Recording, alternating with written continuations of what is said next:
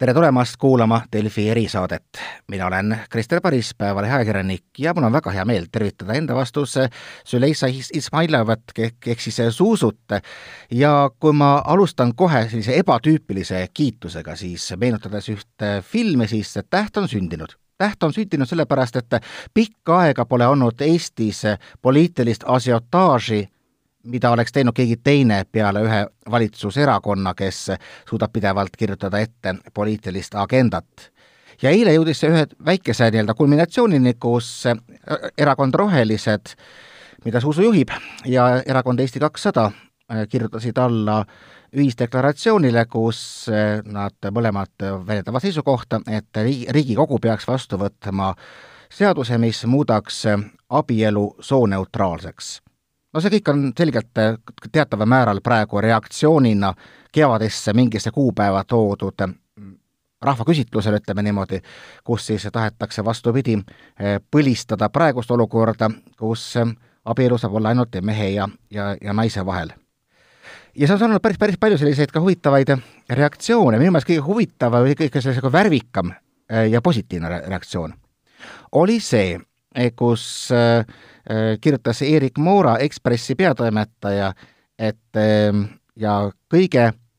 ning oma tähetundi haistev rohelist esinaine Zuzu Izmailova hüppab prauhti reele ja hüüab kõige heledama häälega nõõ. see peabki nii olema. no mis on olnud need reaktsioonid peale selle, mida sa oled kogenud? no kui rääkida sellest konkreetsest algatusest, siis, siis ma olen saanud oma isiklikku postkasti väga palju toetavaid kirju just nimelt LGBT kogukonna liikmetelt, kes mõnikord on kuulunud ju ka teistesse erakondadesse. Äh, olen saanud toetuskirju tuntud Eesti inimestelt, ettevõtjatelt,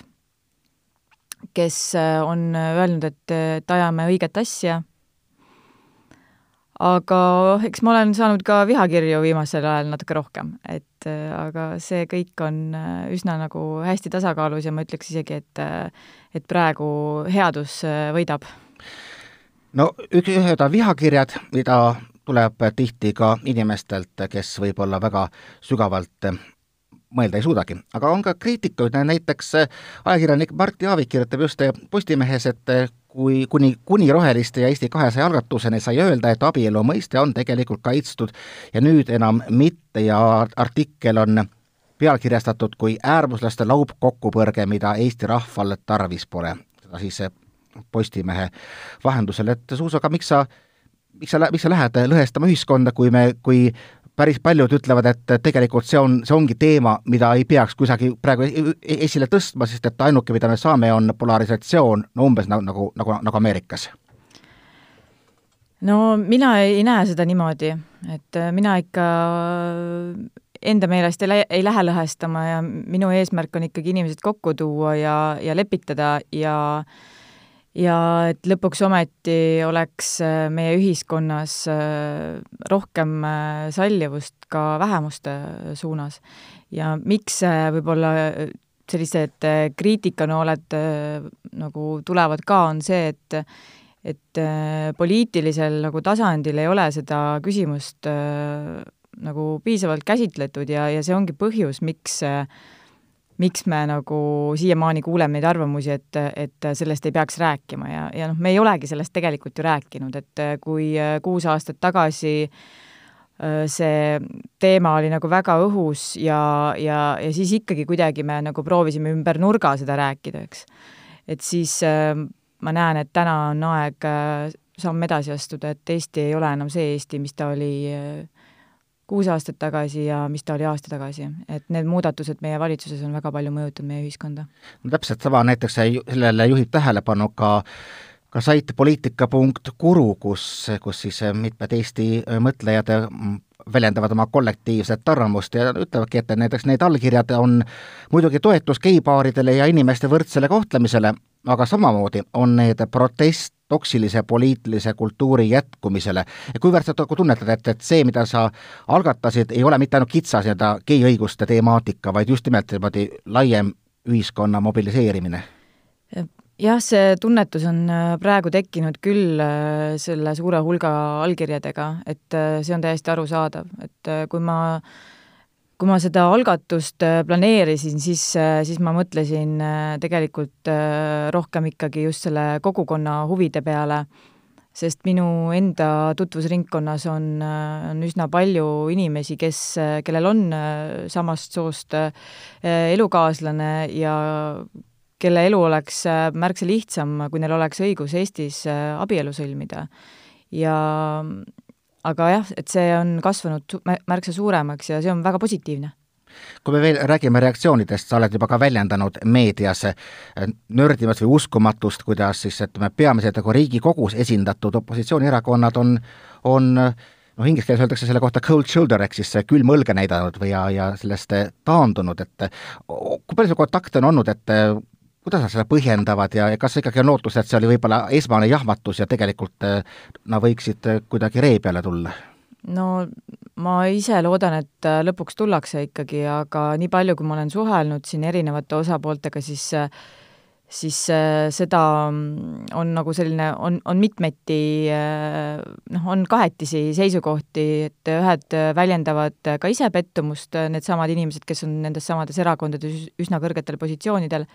et nad äh, väljendavad pettumust ja on ka teisi, kes lihtsalt ütlevadki, vabandavadki selle välja, et, et aga see ongi poliittehnoloogia ja et, et me oleme naiivsed, kui me arvasime, et, et Reformierakond äh, tuleb ja ütleb meile, et hei, super, on ju. et ähm, et kui kuulata mingeid hääli Reformierakonna enda sees, siis öeldakse hoopis, et vastupidi, et rohelised tegid poliittehnoloogiat ja mis viga väikese nišiparteina võtta endale mingisugune selline veidikene teravam teemaarendus, aga vaat meie peame siin hoidma kõike tasakaalus, et no ütleme, et meil on juba tegelikult olemas selline just nagu kompromiss, on kooseluseadus ja et lähme ikka sellega edasi, läheme sellega lõpuni välja, et mm -hmm. mi-, miks on, miks on see teema, miks ikkagi siis minna just nimelt selle sõna abi juurde, abielu juurde, mitte kooselu? No minu arust äh, seesama, mis sa praegu ütlesid äh, selle erakonna kohta, et, et sellega on ju tegelikult äh, kõik öeldud. et sellega on selge see, et, et selle partei huvid ei ole nagu siis vähemuste õiguste esindamises, vaid, vaid milleski muus. Miks minna edasi sõna abielu juurde, on see, et et mina isiklikult ja, ja päris paljud rohelised, me tajume seda, et põhiseadus äh, ütleb meile, et äh, kedagi ei tohi diskrimineerida, samas tänane abieluseadus on meie jaoks diskrimineeriv. Äh, see ütleb väga konkreetselt, et, et abielluda saavad omavahel ainult siis mees ja naine. ja, ja me, kuna aasta on kaks tuhat kakskümmend üks, me oleme Euroopa Liidu riik, mm, meie, me seisame väga suurte muutuste lävel ja mina näen, et on aeg edasi minna, et see Äh, kooseluseadus on hambutu, see ei aita inimesi päriselt. isegi, isegi siis, kui ta annab pannagi kõikidesse seadustesse kirja, et abielu ja kooselu, ühesõnaga panna nad ühte paari, lihtsalt ühel on mingisugune noh, deklaratsioon, mis omab võib-olla paljude jaoks teatavaks sellist kristlikku tausta, teiste jaoks on kooselu, aga olemuselt oleks nad täpselt ühesugused. jah, see on selline noh, see on natuke jälle sellesama asja sarnane, mis, mis algas, kui see kooseluseaduse temaatika üldse tuli, et me, me justkui nagu räägime tegelikult või mõtleme ühte asja, aga me pakendame seda kuidagi nagu meel-, mõndadele tüüpidele meeldivamasse või kuidagi nagu ohutumasse. et tegelikult pole, pole see aus lihtsalt? jah, et see on, et see on nagu eksitamine, see on selline nagu sahkerdamine, ma arvan, ja, ja kõigil, ma arvan, et ühiskond oleks palju tervem, kui me räägiksime asjadest otse no kui vaadata näiteks Euroopa kaarte, siis ühe, ühe kaardi peal paistab Eesti silma positiivselt, et ikkagi, kui vaadatakse, kus, kus on nii-öelda gei õigused tagatud, siis Eesti on pigem see roheline riik. E, aga kui vaadata teisi kaarte, kus on kirjas arvamusküsitlused, oleme me ikka väga sul-, selgelt sellises nii-öelda valges või mustas või mis iganes värvi idablokis. no ja samas jällegi kui me vaatame nagu kas või möödunud aasta siis, või vabandust, selle aasta juunis tehtud küsitlus, siis ikkagi no ka puhtalt abielu poolt on juba noh, noh, kolmkümmend kaheksa protsenti, vastu, tõsi, on kõvasti rohkem, on väidetavalt üle, üle viiekümne, et noh, me kõik saame aru, et me peame läbima seda natukene nagu seda kiirkorras, kogu seda diskursust, mida, mida lääneriikides või lääne pool läbiti juba varem, aga, aga on, on, näed, näed sa mingit nagu, nagu väljapääsu, me suudaksime sealt edasi minna nii, et me üksteisele iga kord lõunalauas kõrri ei hüppa? no üks võimalus on see, et, et äh, parlamenti kuuluvad suured erakonnad, kes ütlevad, et nad on liberaalsed, et nad teeksidki seda teavitustööd Äh, sest neil on, äh, nende käes on võim. mis siis, et nad on opositsioonis praegu, siis nendel on neid vahendeid, kuidas inimesteni jõuda palju rohkem kui meil. ja nad peaksid neid kasutama, nad peaksidki tegema selgitustööd inimestele, et et kui abielu saab lubatuks ka samast soost inimeste vahel, siis see ei tähenda seda, et mees ja naine ei või enam abielluda, sest mulle tundub, et et praegu on see nagu läinud niipidi, et, et justkui mingid inimesed tunnetavad, et et nad peavad siis millestki loobuma. aga kas sa põhimõtteliselt mõistad inimest, kes no ikkagi tunnetab mingisugust sellist traditsiooni, pühadust, et, et, et noh, ikkagi kunagi pole niimoodi olnud ja nüüd tahetakse kõike muuta? no oleneb, mis, mis selle inimese argumendid on, aga eks neid on nagu erinevaid, aga kui, kui kui tegu on näiteks vanema inimesega, kellel on noh, kelle kes ei olegi väga palju kokku puutunud äh, endast erinevate inimestega ja ta elabki omas mullis, siis ma võin teda mõista ja ma olen äh, nõus äh, temaga rääkima ja ja selgitama talle veel ja veel ja veel, kuidas, kuidas meie näeme seda maailma. ma küsisin seda ka väikese tagamõttega, sellepärast et no praegune sport on olnud roheliste jaoks täiesti siiski enn-, enneolematu ja, ja ta on toonud teid niivõrd selgelt poliitika rambivalgusesse, kui umbes sama, samal tempoga, tempoga jätkata, ma üldse ei välistaks, et tulevad kahe aasta pärast Riigikogu valimised, et et see maagiline viis protsenti saab ka alistatud. ütleme, et olete parlamendis sees ja ütleme, et nii-öelda liberaalsed erakonnad kutsuvad teid endaga ähm, kampa, et teeme, teeme koos valitsuse, ütlevad, aga vaadake, vaata noh, me kõik saame aru, meil kõigil on oma teemad, aga noh, see nüüd küll las ta nüüd vaikselt seal kuskil pliidi tagaotsas podiseb, aga, aga see ei ole nüüd see, millega praegu edasi minna, ehk siis see nii-öelda tegelikult päris poliitika tungib, tungib teie ellu, et, et kuidas, kuidas sa sellises olukorras enda jaoks, enda, jaoks lahendaksid? no me oleme lahendanud äh, siiamaani selle olukorra selliselt, et me oleme alati kehtestanud punaseid jooni, kui meil on olnud äh,, kui me oleme osalenud äh, Äh, parlamendivalimistel ja, ja senimaani on nendeks olnud siis äh, metsaküsimus, sest meie jaoks on punane joon seal, et, et metsi peaks äh, raiuma säästlikumalt ja üle, minema üle siis säästlikule metsandusele, meie jaoks on ka põlevkivi subsideerimine olnud põl-, punane joon, meie arust peab väljuma põlevkivist võimalikult kiiresti, üleminek peab olema pehme ja, ja ka Rail Baltic, et, et Rail Baltic peaks olema säästlikum ja ei peaks minema läbi rabade ja soode ja metsade, et me saame Rail Balticut ehitada palju paremini. et samamoodi ma näen, et ka see küsimus on, kus me ei saa enam seda kuhugi ära peita, et, et see poliitiline diskursus on tänaseks muutunud, Äh, me oleme ennast väga selgelt määratlenud äh, selles küsimuses ja, ja see on äh, lihtsalt, see ongi see, mis tegelikult käibki ka, ka Euroopa rohelistega kaasas, et inimeste ja vähemuste sealhulgas õigused on väga olulisel kohal just rohelises agendas, et see on nagu, see on kõigil Euroopa rohelistel ja, ja see on ka meil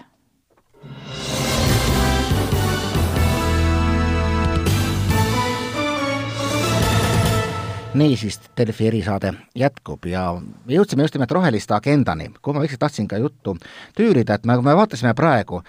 viimastel valimistel on olnud küll Saksamaal, küll Soomes, küll Europarlamendi valimistel on ikkagi rohelised erakonnad äh,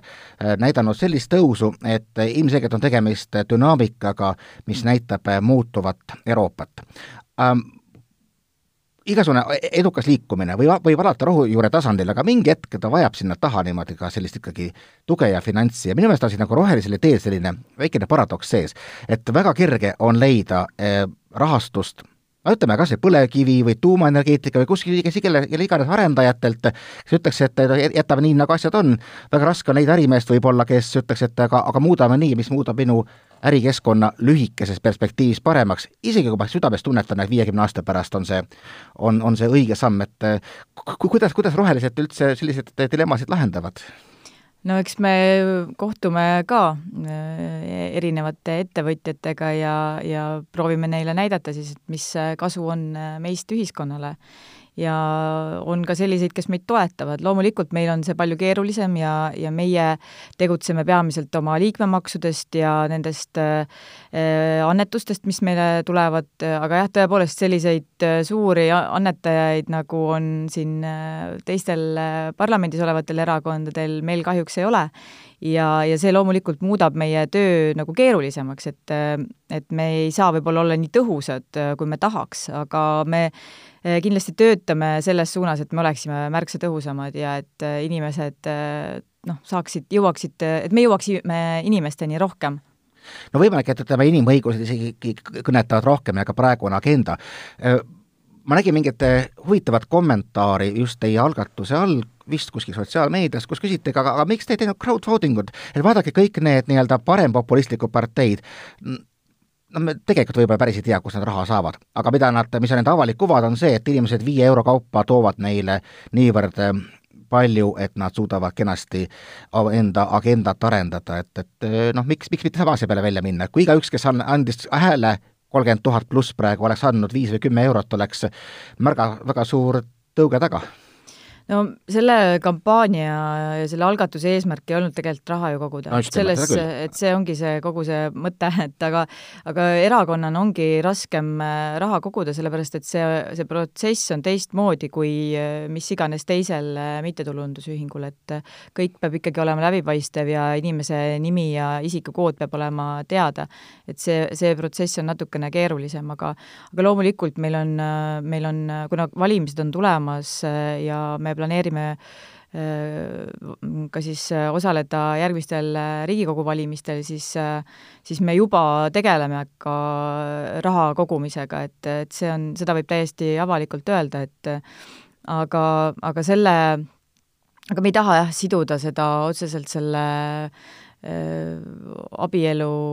nagu referendumiga või siis selle perekonnaseaduse muutmisega, et et see, see ei olnud nagu meil kavas ja noh, meie meie agenda on ju palju laiem tegelikult ja kõik inimesed, kes tahavad meid toetada, äh, saavad seda teha läbi meie kodulehekülje ja, ja ma tegelikult, ma siinkohal kutsuksin inimesi üles ka allkirjastama seda petitsiooni veel, et äh, meie eesmärk on saavutada vähemalt kolmkümmend kaheksa tuhat allkirja sellele ja praeguse seisuga oli veidi kolmekümne kahest tuhandest puudu mm. -hmm. Et äh, kui me sinuga mõtle, mõtleme niimoodi valimiste peale, siis noh, väga oluline on ka selline mitte ainult üleriiklik suur agenda, vaid, vaid ka selline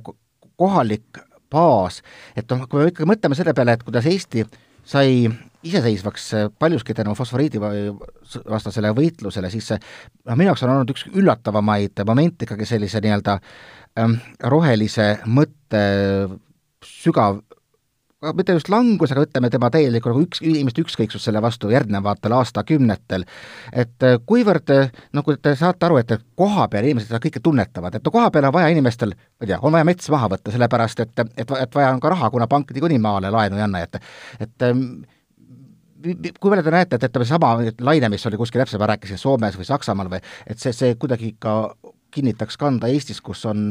palju lühiajalisemaid materiaalsemaid, materiaalseid probleeme inimestel jah, et see on, jah, sul on absoluutselt õigus, et et see ongi see, see küsimus, miks, miks Eestis ei ole nagu see roheline teema nii hästi lennanud veel se-, senimaani. et jah, ma näengi, et, et Eesti inimeste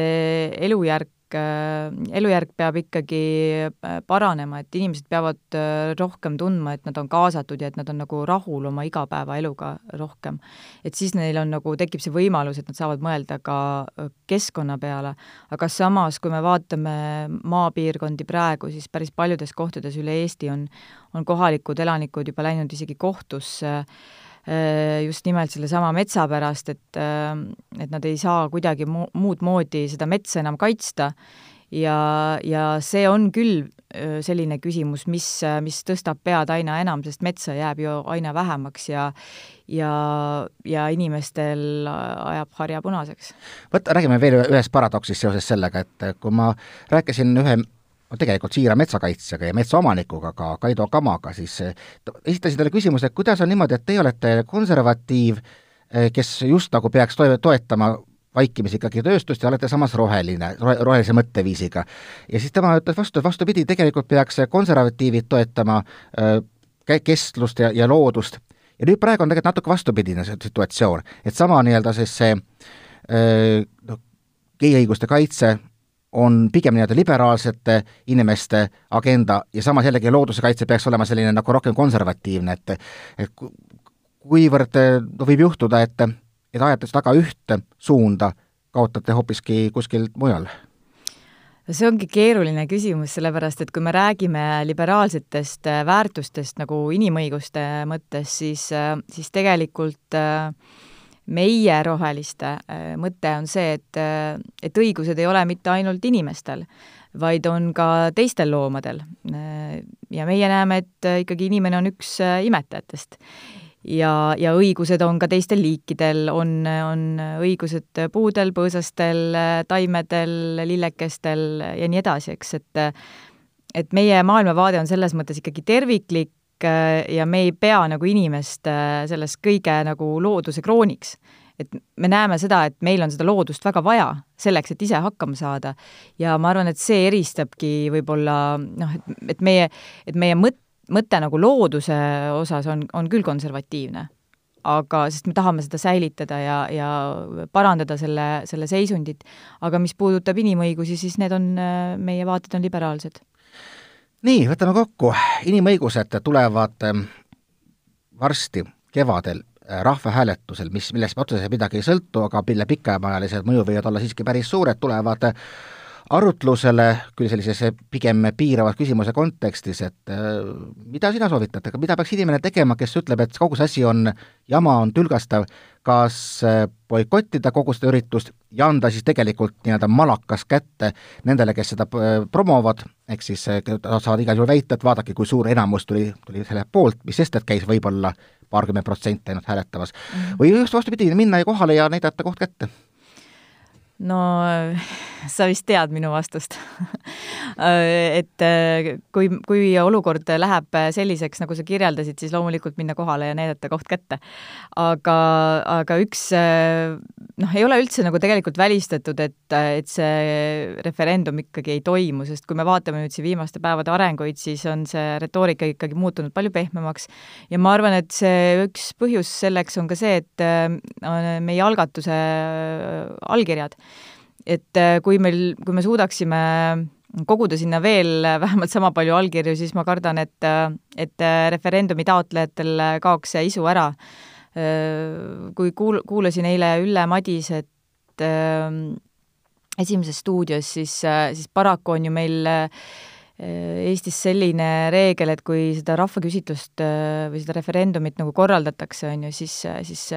paraku peab kohale minema, sest isegi kui kaks inimest läheb äh, ja ütleb äh, seal jah äh, või ei, siis, siis see läheb nagu kirja, et ükskõikseks ei tohi kindlasti jääda, koju ei tohi istuma jääda, aga aga esimene praegu minu arust võitlustanner on see, et me saaksime selle algatuse võimalikult suurte allkirjadega Riigikokku saata kusjuures seal on nüüd huvitavas kahvlis ka võimuerakonnad, nende enda koalitsioonilepingus on kirjas, kui mingi algatus saab üle kahekümne viie tuhande hääle, tuleks see saata suure saali ette, ehk see komisjon ei hakka juntima, vaid saadab selleni ja siis peavad juba kõik erakonnad, kes on parlamendis, leidma kas roheline, punane, kollane või vastupidi, on, on WC-s ja teevad näod seda, et seda küsimust ei olnudki. jah, täpselt, et et äh, võib-olla see ei ole ju ka välistatud, et, äh, et, et see nii täpselt lähebki ja, ja küsimus lähebki parlamendi ette. ja ma olen kuulnud ka koalitsioonipartnerite siis äh, erakonna liikmete käest, et nemad toetaksid küll selle, selle arutelu viimist Riigikokku sellise positiivse noodiga on praegu hea lõpetada, aitäh Suuse Izmailovale, mina olen Krister Paris ja jääme siis vaatama, mis suunas Eesti ühiskondlik arutelu edasi läheb. Aitäh!